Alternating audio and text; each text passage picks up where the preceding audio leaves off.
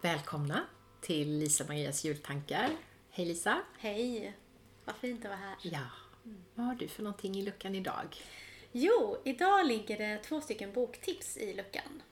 Kanske är det julklappstips eh, till, ja, till en person i valfri ålder som gillar magi. Wow! Men det är barnböcker och jag kan säga att om jag var sådär kanske 8 till 12 år så hade jag älskat de här böckerna. Och jag gör det. Min inre 12-åring älskar dem också. Mm.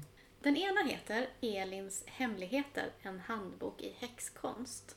Och den andra heter Rosas spådomsbok. Och båda två är av Tuva-Lisa Rangström och Anna Nilsdotter. Det är Anna Nilsdotter som har gjort eh, illustrationerna. Och Tuva-Lisa Rangström som är författare till böckerna. Jag älskar de här för att, för att det är så lekfullt och livsbejakande och magiskt och roligt. Och de handlar då helt enkelt om Rosa och Elin, två unga tjejer som eh, utforskar de första stegen på sin eh, häxkarriär, eller sitt liv som häxor kan man väl säga. Eh, och det är nutid, Stockholm, det är, ja men det är Stockholm, stryk det där med Stockholm, det är inte så viktigt för det skulle kunna vara var som helst. Det är bara det att eh, bland annat läser de en bok om en riktig häxa, alltså en historisk, som finns Aha. historiska belägg för, som hade en, en spådomsbyrå i Gamla stan Okej. eh, för länge, länge, länge, länge sedan. Okej, så det här är liksom, det är, de här fantastiska författarna har tagit tillsammans tagit eh, researchat en massa om magi på lite olika sätt. Det är allt ifrån örtmagi till kortmagi till spå i kaffesump till olika grejer. Så det är jätte, jätteroligt. Och så är det de här två ungdomarna som bara...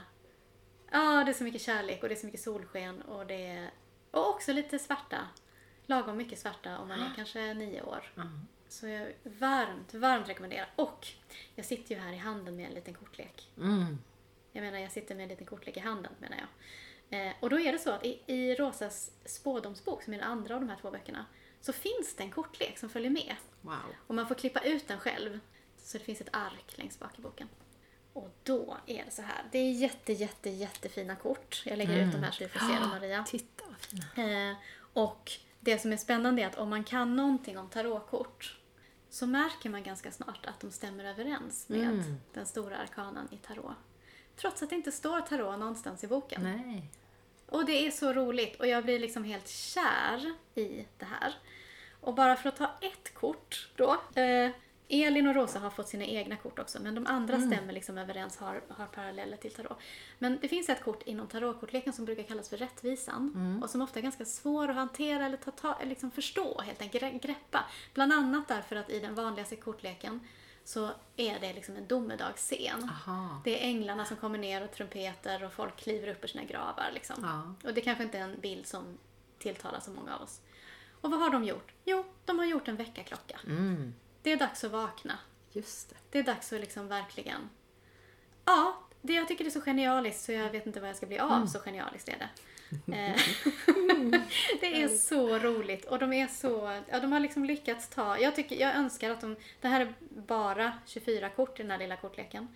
Vilket i och för sig räcker gott men eh, jag önskar att de gjorde en gemensam, en riktig tarotkortlek, en Ja. hel tarotkortlek. Det hade varit väldigt Ja, just det. Och med de illustrationerna också som är så fina. De är så fina och de är så enkla. Ja. Och det är så mycket... Ja, det är så livsbejakande. Ja. Ja, ja, ja, eh, Ja. jag vet inte vad mer jag ska säga om detta. Eller rättare sagt, jag skulle kunna prata en timme till om det här, men jag ska inte det. Det får bli en, en, ett, ett, kanske ett poddavsnitt eller någonting om, Det kan faktiskt om, eh, mycket med både tarot och den här kortleken. Ja, underbart. Åskmolnet och den döda musen och kvasten och trollstaven. Ja.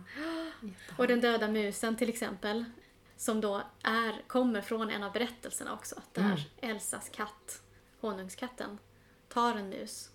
Och det är lite trauma i det ju. Vad Mm. gör man då? Vad gör man när ens underbara, mjuka, härliga katt blir en mördare och tar en mus? Hur hanterar man det? Ah. Tänk om man råkar skrämma bort katten så att den aldrig mer kommer hem. Mm. För att man blir så arg. Ja. Du förstår, Ja. det är liksom stora ja, känslor i det här. Ja, det är liksom det är viktigt på. Mm. många sätt. Så jag vill varmt, varmt rekommendera böckerna och, eh, och överhuvudtaget eh, ja, men, mer magi åt, även åt barn. Ja. På ett livsbejakande och eh, med, sätt med fötterna på jorden. Ja. Ja, nu gav jag inte dig så mycket plats här Maria, men vill du säga något eller?